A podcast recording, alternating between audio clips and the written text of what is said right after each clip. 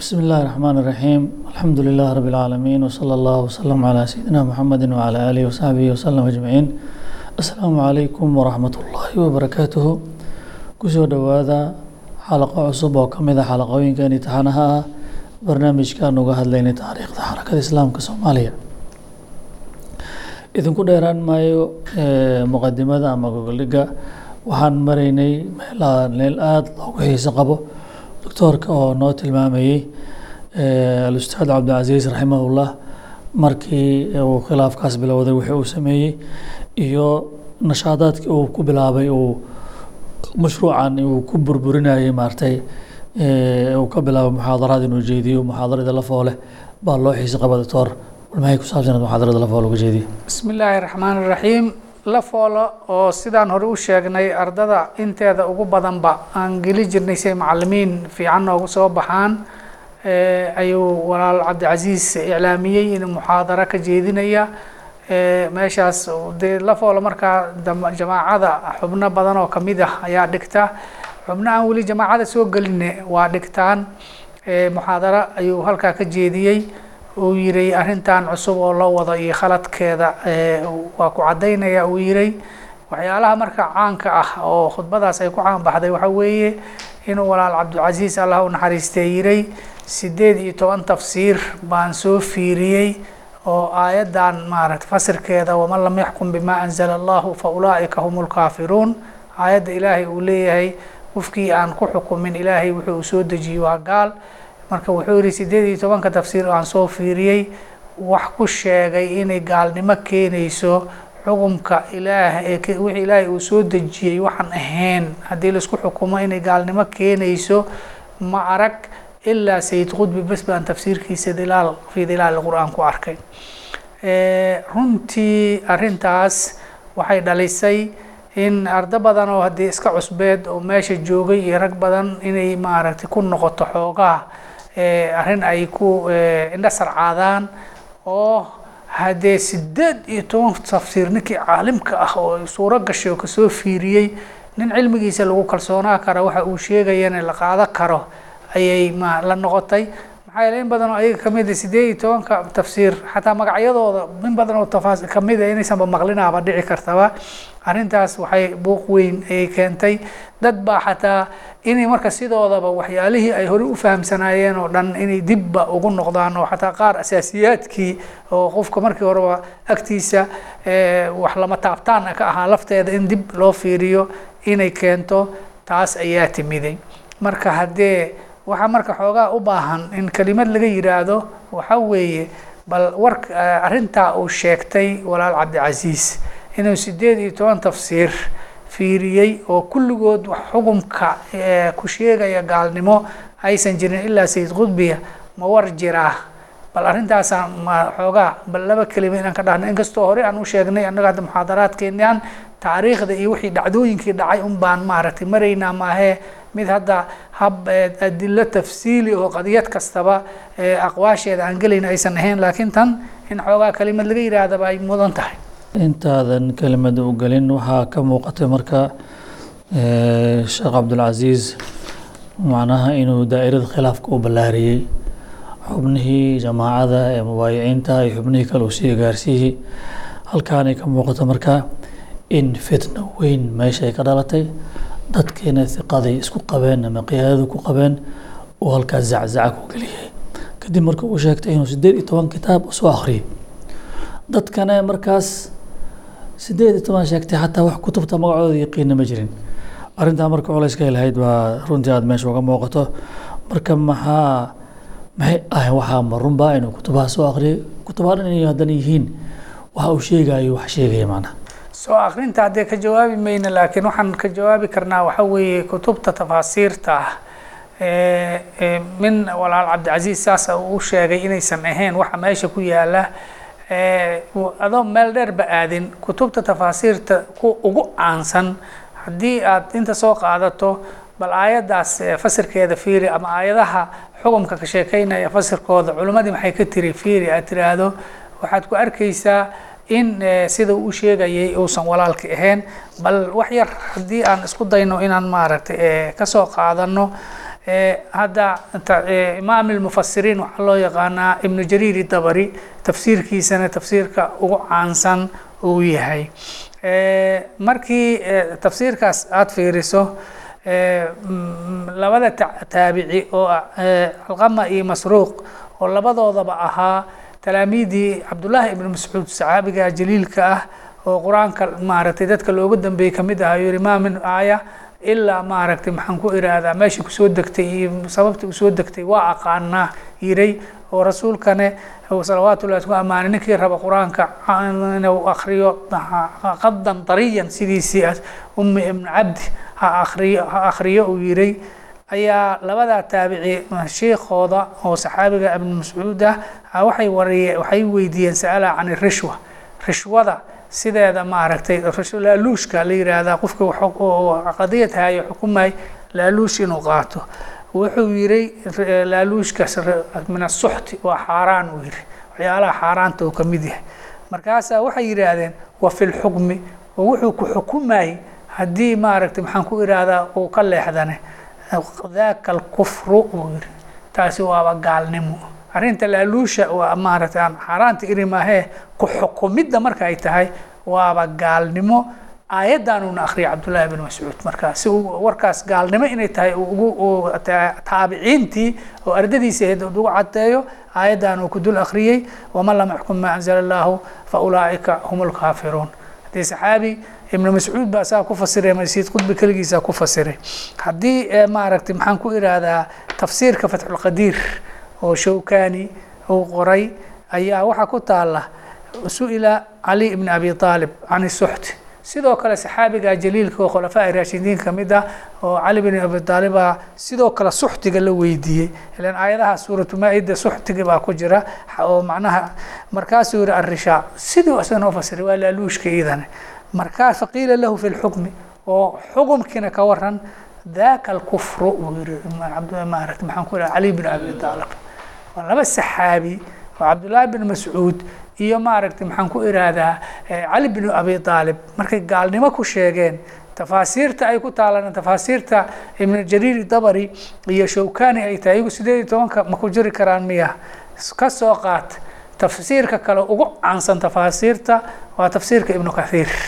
Ma garat markii dabarigii laga soo tago waa ashhar tafsiir waxa weeye maaragtay waa tafsiirka ibnu kathiir ibnu kathiir hadalka ibnu mascuud oo dabari ku yaalla oo daaka markii la weydiiyo xukumka daaka alkufru inuu yihi aayaddaasna ma daliil ugu dhigtay waman lam yuxkam anzala allah fa ulaa'ikum alkaafiruun isla tafsiirka ibnu kathiir ay ku taalla.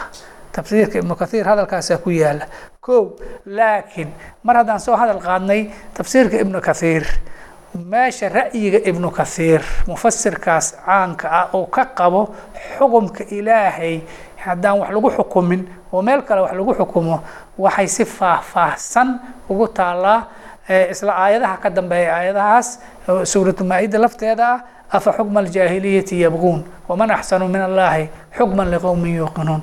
Ibnu kathiir aayaddaa markuu fasirayey muxuu yidhi ibnu kathiir waxa weeye waxaa dhacday sidaan horey ku soo sheegnay waa ninkii halkii maro caalam alislaami soo martay arrin ah inuu dad muslimiin sheeganaya. Haddana inay wax qawaaniin kale ay wax ku xukumaan. Qisadii tataarka uu keeno yaasiq oon hore u soo sheegnay qofkii waktigiisa joogu ahaa. Sidaa darteeda ayuu maaragtay ibnu kathiir aayaddaas markuu marayay arrintaasi cajiible inta ugu hadlay ilaa hadalkiisa uu ku soo gabagabeeyey faman facala dalika fahuwa kaafirun yajibu qitaaluhu xataa yarjica ilaa xukmi illahi warasuulihi falaa yaxkuma siwaahu fii qaliili walaa kathiir. Allahu akbar. Ma garat ninkii sida yaasiq oo kale qawaaniin meelo laga soo aruuriyo xataa kuwa islaam ku jiraan ninkii ku xukuma waa gaal in lala dagaalamana ay waajib tahay ilaa xukumka ugu soo noqday ilaahay iyo rasuulkiisa. Oo weliba waa u soo noqday guud lama rabe falaa yaxkuma siwaahu fii qaliilin walaa ka wax wax yar iyo waxweynba haddee si ibnu kathiir marka saa yidhi tafaasiirta in loo noqdo la rabo ma jiro. Haddaan tafsiir ibnu kathiir iyo dabari aan la fiirinin maxaa maxaa la fiiriyey? Oo ay saas warkoodii ugu taalo ma garatay. Hadda waxaa la yaabla marka ibnu kathiir oo shubhadan la keeni doono aayadda oo ibnu cabaas warkiisii ahay kufrun duuna kufrin ibnu kathiir asaa waa ku taala laakiin maca dalika ibnu kathiir kuma dhabaqan kufrun duuna kufrin yaasiqi iyo maaragtay wixii lamida qawaaniin alwadciyada oo kale oo waxna islaamka laga soo qaatay wax meel kale laga keenay ma soo gelinin ibnu kathiir inay soo geli karto fatwada ibnu cabaas oo kufrin duuna kufri. Maxaa yeeley horta fatwadan ibnu cabaas sideedaba waxay ku timid waxay aheeday nimankii khawaarijta ahaa oo la yaqaanay mabhadkooda inuu ahaa macaasida inay dadka ku gaalaysay jireen. Ayaa dowla alamawiya oo maaragtay maxaan ku irahdaa waxyaalo qaarkood sidii khulafaa raashidiin sideedu matiina maalki iyo xoogaa dadkiiba qaraabadiini waxbaad u roonaateen iyo wax la mid lagu haystay bay gaalnimo ku xukumeen. Oo haddii dadkaas taabiciinti ahay oo maaragtay maxaan ku irahdaa ibnu cabaas markuu joogo warka sheega amawi daafacaya ama saxaabadii qaar ka mid ahaa weli khulafa ah ama ugu yaraan taabiciintii oo khayr lquruuni qarni rasuulku uu yiri kuwaasay gaalnimo ku xukumayeen oo ka daafacayay. Laakiin marne kuwa maaragtay kitaabka ilaahay inta bedela sharci kale booskiisa keena ma aha wuxuu ibnu kathiir ibnu cabaas uu ka hadlayay. Marka ibnu kathiir oo warkaa keenay haddana yaasi qiil uma raadinin oo ah kufrun duuna kufrin ee wuxuu yihi waa kufri kaafir yajibu qitaaluhu uu yihi ma garatay. Waxaa meeshaas kaleenta maaragtay runtii iyadana habboon maadaama ibnu kathiir tafsiirkiisa aan soo qaadnay ninka sharaxiisa ibnu kathiirka sii habeeyey tafsiirkiisa oo axmed maxamed shaakir oo aan horey u soo sheegnay oo ninkii caalimkii azhariga ahaa oo markii ugu horeyso masar qawaaniintan la keenayey dadkii joogay ka mid ahaa waa kii isagana fadwada ibnu cabaas ibnu kathiir inta sii qaata yiray qawaaniin alwadciyada maanta naloo keenayne alyaasiqi alcasriy waa yaasiqi oo kaloo la soo cilmiyeeyey oo casrigaa nalooga soo dhigay. Nin alla ninkii ku xukumane gaal sidoo ibnu kathiir ba ugu sheegay ayuu gaal ku sheegay. Oo tafaasiirta cumdata tafsiira la yidhaha tafsiirka maxamed shaakir ayaga kula soo fiirina kuma jiraan miya. Ma garatay? Ko sidoo kale tafsiiri nasafi ma garatay?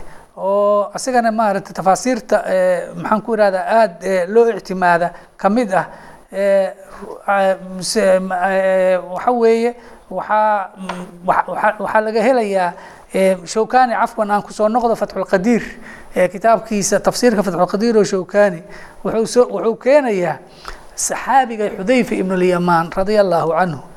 Ayaa maaragtay maxaan ku irahdaa nin dhahaya wuxuu maqlay aayadahan maaragtay maxaan ku waman lam yaxkum ma anzala allahu fa hum lkaafiruun yahuudda ayay maaragtay waye ay khusaysaa waman lam yaxkum ma anzal lahu faulaaika hum aalimuunta ku xigtane nasaarada.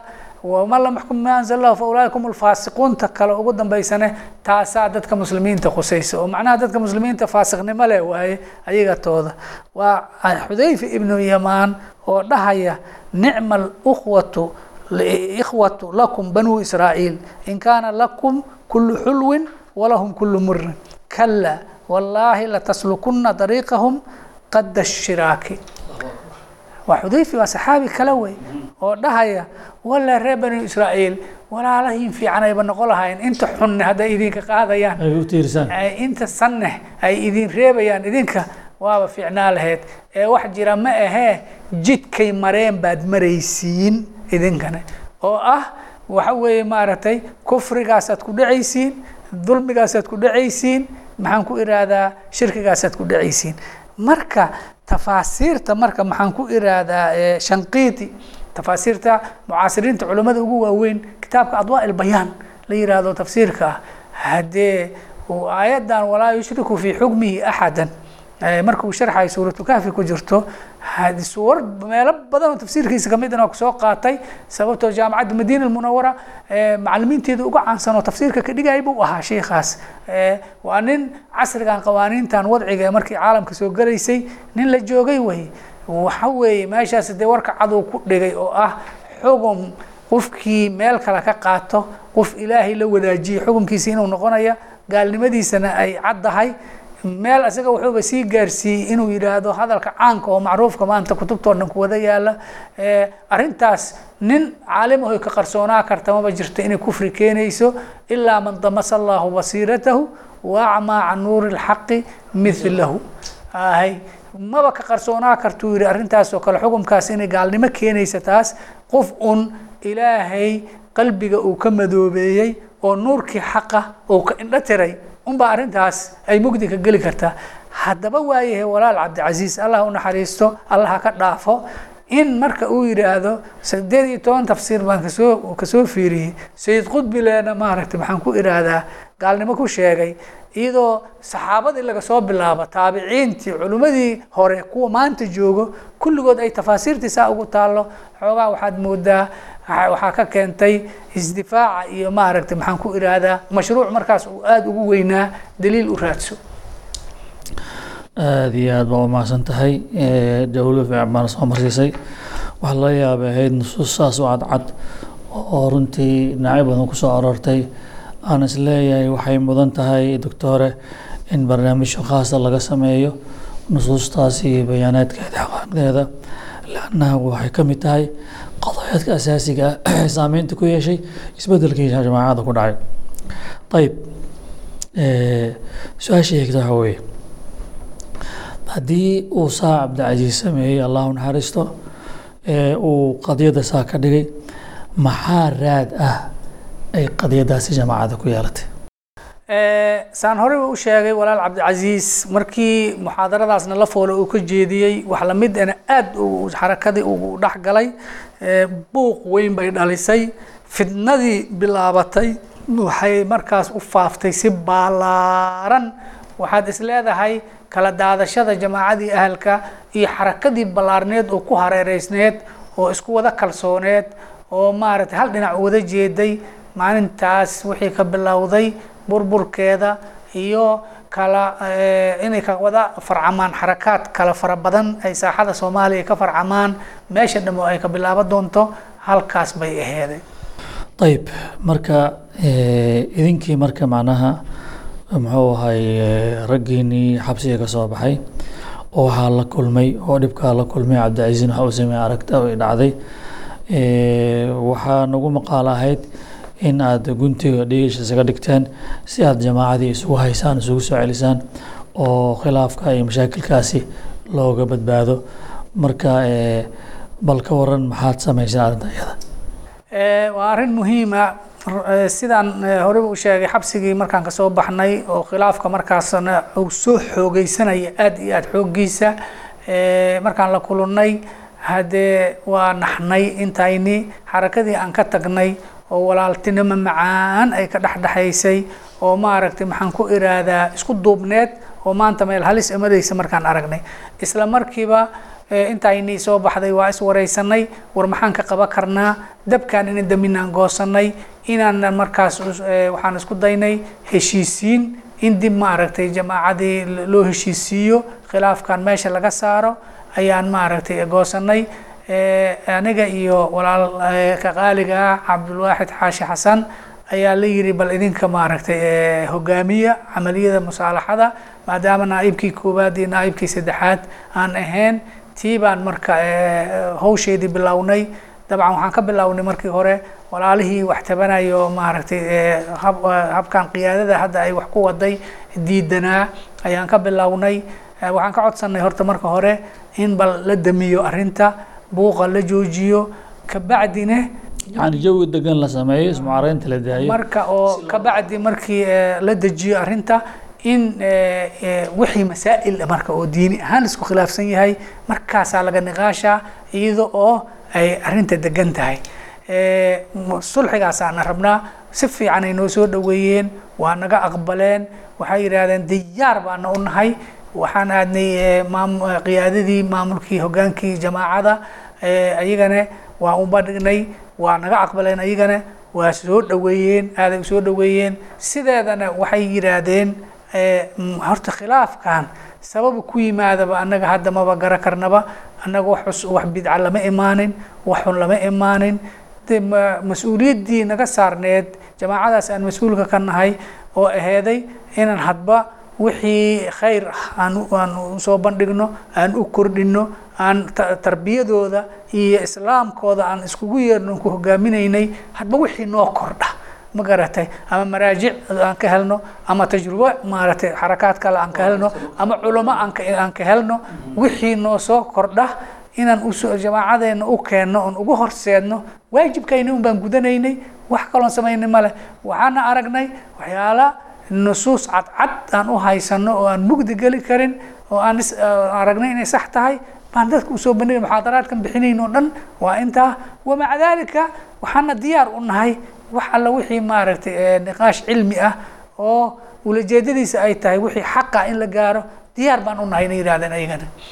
Waa gartay maxay samayseen marka de dabcan waa faraxnay. Labadii qoloba markii arrintii soo dhaweey ay soo dhaweeyeen sidaan sheegayn aan ka bilownay labadii qolaan isu keenay dadkoodii mas'uuliyiinta oo ahaa horjoogayaasha u ahaa walaalahan markaas maaragtay khilaafka wadayne intii ugu caansaneed baan soo soo kaxaynay iyo walaalihii mas'uuliyiinta jamaacada ahalka ka ahaa qadaayaadkii markaa lagu doodayay baan dhahnay bal ka niqaasha si bal horta loo ogaado wax la isku khilaafsan yahay maxay yihiin maxaase la isku waafaqsan yahay?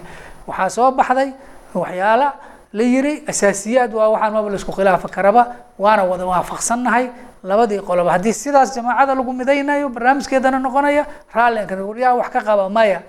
Hadde markaas waxaan samaynay labadeennii iyo labadii qoloba dadka socda ayaan qaadnay qisaas intii la yiri liiska lagu qoro waa la isku waafaqsan yahay. Mugdana kuma jira la yiray ayaan jamaacadii oo dhan gees kala marnay ilaa gees oo majmuucaba habeen aan la kulmayno annaga oo u soo bandhigayno arrimihii la isku khilaafsanayo waa laga heshiiyey waxa lagu heshiiyena waa qodobadan in sal looga dhigo dacwadii. Dhinacta maarata waxyaalihi masaa-isha caqiida iyo dhinac haraka. Intiba ma garatay haddii aad bay dadkina u farxeen waa la isku xamaasooday waa la isku ooyey.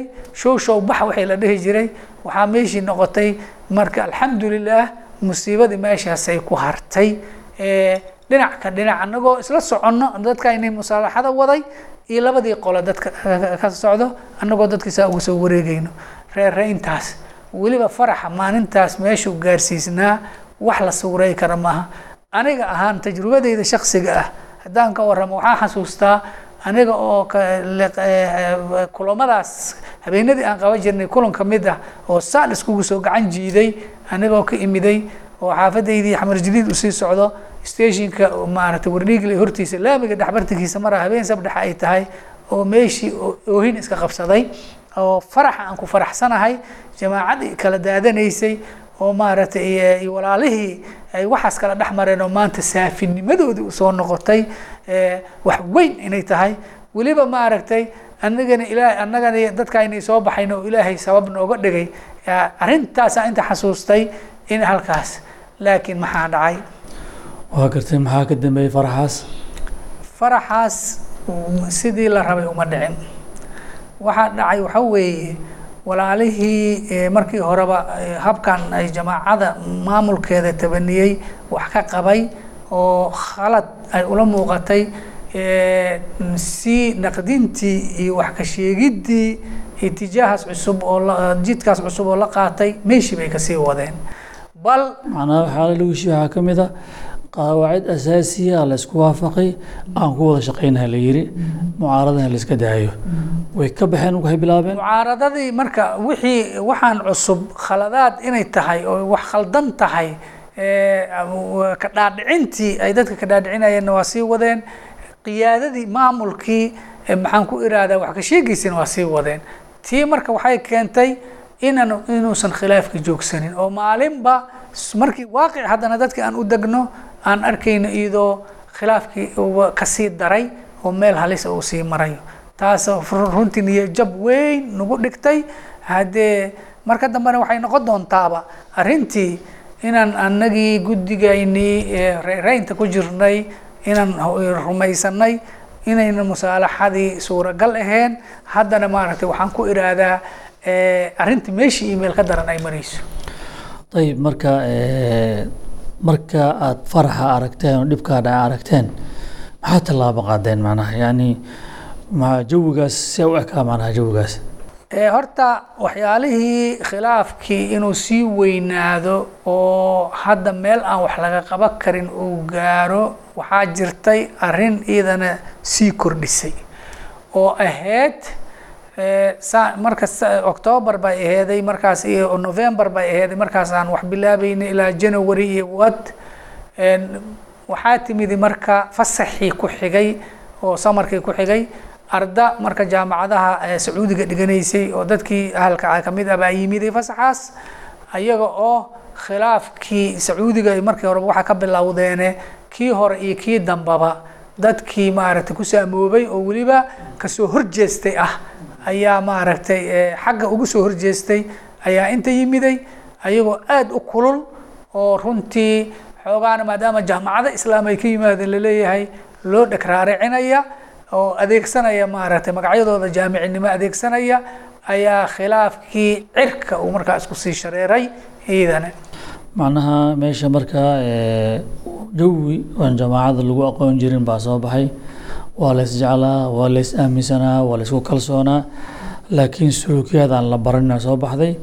Hadal baa la sheegaya muxaakamaad iyo iska qabasho iyo warkeena meel loo raaca la garan waayo iyo waxaan loo baahnayn.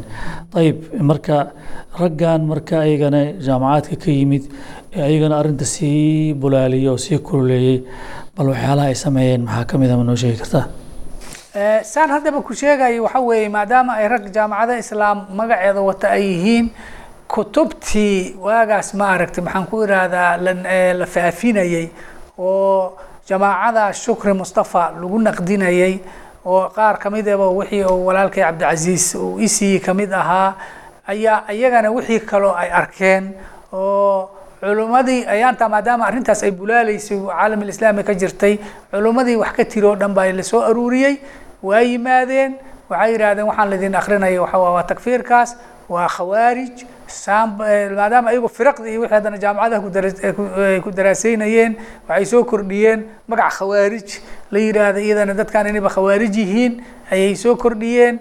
Arrintii marka saasay cirka iskugu sii shariirtay waxaa kaloo igu maqaalahayd maaragtay maadaama jaamacaday ka yimideen oo kutub badan magacyadooda ay soo qaateen in ay dadkana macnaha ku afjigeen oo ku cabsi geliyeen cilmiga ay leeyihiin ayagoo markaa dadka dhahay. Kitaabkaa maaragtay kitaabkaa maaragtay kitaabkaa maaragtay. Dadkuna ay la yaabanaayeen kutubta magacyadooda. Marka dhab loo galayna ayaguna kutubtaas waxba aysan ka garanin magacyadooda ay soo xifdiyeen. Oo weliba xataa dadka caamada xataa ay wax badan ma xataa nuktooyin badan ay ka dhaceen. Wax ma ka xasuusataa waxaan ka waxaan ka xusi karaa mid caan noqotay waagaas oo ilaa muddo dheer lagu sheekaysan jiray oo mid ka mid ee ardadaas ayaa koox dhalinyaro ahoo markaas ma aragtay maxaan ku idhaahdaa gobolaba ka yimid u badnaayo. Xalanaad markaa dugsiga sare markii laga baxa la geli jire inta la shiriyey intuu shiriyey wuxuu isagana xadiiska kuliyata xadiis uu dhiganaya mustalax alxadiis iyo alqaabtiisii uu sheegay. Markaasa wuxuu yidhi bukhaari magaciisa ma taqaanaan haddii dhalinyaradan rawaahu lbukhaariy waa arki jireen laakiin waxaaba laga yaabaa qaarkood maxamed ibn cali in la yihahdo inaysan weligood maqlin. Bukhaari magaciisay sheegi waayeen. Haddii marka maxaad meesha ku haysaana li ninkiiba maaragtay bukhaariba magaciisa gara waayey. Yar ka mid ah baan xasuustaa oo yiri bas waay diinba maba aqaanin maxaa bukhaari haddaa magaciisa gara waayey. Haddii markii dambena waaba goosta sacuudi u aado jaamacad maaragtay ka galay oo kulli bukhaari magaciisa barayay bay ila tahay markii dambe. Ma garatay. Oo khalkhal intuu galay wixiiba maaragtay saas ugu tagay ilaa hadal had ay arrintii maaragtay runtii tagtay waa runtii aad iyo wax looga hanuunay camaliyad dhib badan bay ahayd maaragtay dadka in jahligooda laga faa'iidaysto oo markaa lagu cabsigeliyo alqaab iyo magacyo la soo qaata lagu cabsigeliyo.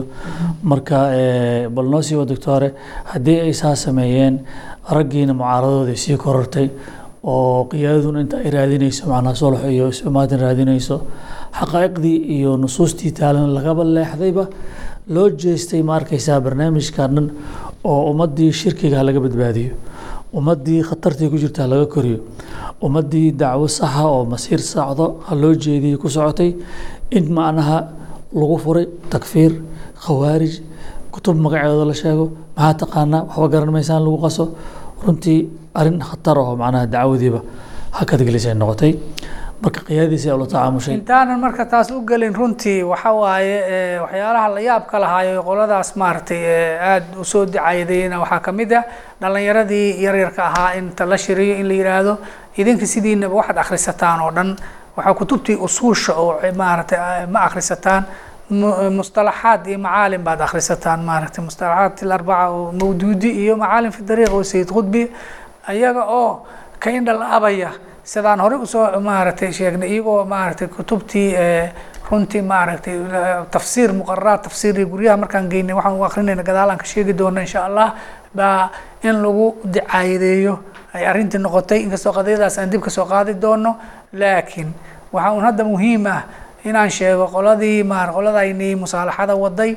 Markay albaabadii ka soo xirmeen oo dadkan dad isu soo socda inaysan ahayn aan ogaanay meeshii ay nooga joogsatay. Waxaanaba ogaanaynaaba mar dambe. Markaas maalintaa hore nooma muuqanin laakiin gadaal waxaan ka ogaanay oo hadee yaqiin oo ayaga laftooda ay qirteen afraadoodii markaas raggan aan maaragtay sulaxa wadna oo aan isla wada shirayno intaanba meel la gaarin inay iyagii jamaaca gooni samaysteen mid kamida ay beeca ka qaadeen ay tiro ayagoo sii marayaan. Ayaan gadaalka ogaanaynaa iyadoo sulxina marka dhinac aan ka wadno la leeyahay sulxi diyaaraan u nahay. Haddii taas xoogaa minkastoon gadaalka ogaanay waxyaalaha haddii maarata niyajabka aada noogu sii beeray ayay ka mid noqotay idan waa camaliyad aada iyo aada u dhib badan. Dhinacna waanwaan iyo wadahadal in laga wado. Dhinacna go'aanka in laga gaaro barnaamijkii si gaara loo samaysto. Dayib jamaacay samaysteen ayagoo dhinacan musaalaxa ka wado. Jamaacadii ay sameeyeen xaggee ku dambeysay?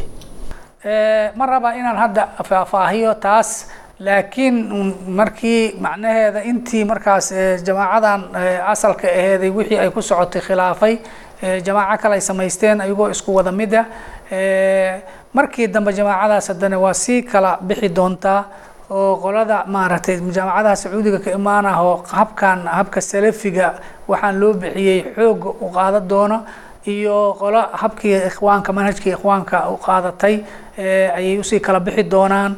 Qeybtii tayaarka ikhwaanka waa sii kala bixi doonaa. Qeybtii tayaarkii salafiga ahay waa sii kala bixi doonaa. Kulli meeshaasaaba xarakaadka islaamka oo magacyada badan maanta jira waqti sida taariikhdeeda meeshaasay ka bilaabanaysaa haddee markaa taariikhdaas anigu geli maayo sidii manhajkaydii aan silsiladaan ku socday waxay aheeday wixii aan ka waramaaba inay noqoto wixiin aniga goobjoog u ahaa oo aan maaragtay hoosteeda iyo gunteedana ogahay wixii intaa ka dambeeya wixii aan maarata ka sheekeeyay waxay noqon doontaa wixii jamaacadii asalka aheyd iyo khadkaas uu soo wareegtay oo maaragta maxaan ku iraahdaa aan taariikhda wadi doonaa laakiin qeybaha kale waxba hadda ka sheegi maayi. Laakiin halkaas baa taariikh cusub iyo magacyo cusub iyo ay ka bilaabanaysaa. Ayib marka halkaa waxaa weeye waa halkii ay jamaacadii weyneyd lagu kala baxay. Nimankii khilaafka wadayna ay gaar uga baxeen oo qiyaadadii jamaacadii ka infisaaleen. Hadday infisaaleen ayaga halkaa kuma ekaan ayagana way sii kala baxbaxeen way sii kala tageen marka intaa markaa ogaateen musaalaxadii iyo waxaa wadeen waxaan filaya meeshaasi ku joogsatay. Ha ku joogsatee tii aan wadnay aniga iyo walaal cabdiwaaxid oo maaragtay habaysneed unbaa meesha ku joogsatay maahe laba sano oo waktigaas ilaa laba sano toddobaatan iyo lixdiiba sagaalkii bay markaas ahayd ilaa sideetankii ilaa xataa kow iyo sideetankii qaar kamida ma joogsanin isku daygii in la heshiiyo oo dib la isku soo noqdo. Waxyaalaha intaan dambe badana keeni jirin waxaa ka mid ah mar kastaba waxaa dhici jirtay walaal walaalihii dibadda ka mid ahaa jamaacada ahalka waa ballaaratay waagaa dibadda yurub iyo maraykan iyo carabahaasa dad badan jireen inay maaragtay qofba maalin yimaado isaga oo qaado karin sidee maaragtay maxaan ku irahdaa u dhacday arrintan oo kale oo dhahaya markaas maxaan ku irahdaa heshiisiis waa in la galaa annagana aan markaas qasab ugu dambeyn marka ugu dambeyn marka raadadkii dhibka lahaa iyo salbiyaadkii khilaafkaa ka dhashay wax kooban nooga sheega waqtigan ka sii dhacaya. Mm, wax kale kama sheegayi waxaan un leeyahay waxa ugu darnaa oo meeshaa ka dhacay waxa waaye asraartii jamaacadaas oo xifdisnaa jirtay maalintaas inay faraha ka baxday nimankii mukhaabaraadka ahaa oo meelay wax ka soo galaan iyo meelay wax ka socdaan la'aane inay fursadii ugu fiicneed ay heleen oo as jamaacadii iyo hadda sida loo kala baxay iyo qolo kastaba manhajkii qaadatay in yar ka bacdi taqaariir badan warbixino badan oo aan ka helnay maaragtay mukhaabaraadka ah, nabad sugidda inay eh, wixii ogaadeen ayagoo aada iyo aada ugu faraxsan. Waa hagaag intaasaanu ku soo gabagabeyneynaa waxaan soo gaarnay jaamacadii soo dhisantay bartamihii qarnigii labaad qarnigii labaatanaad soo dhisantay is haysatay walaaltinimada iyo quruxda iyo iimaanka iyo dadaal ku dhisnayd in fitna ay timid. Fitnadiina ay keentay inay kala jabto jabkiina uu keen la sii kala firdhoomo ha yeeshee qiyaadadii iyo hogaankii iyo barnaamijkii asalka ahaa ee soo dhisnaa. Sidiisi sidiisi inuu u taagnaa oo sidiisi ku socday marka halkaa wixii ka dambeeyey maxaa tallaabo la qaaday? Maxaa soo kordhay? Maxaa mataqaanaa guuldarooyin maxaa guulo ah? Bal insha allah doctoorkaanu ka sugaynaa. Xalaqaadka soo socda inooga hadlo. Intaan ka gaarin waxaan leenahay asalaamu calaykum waraxmat ullaahi wabarakaatu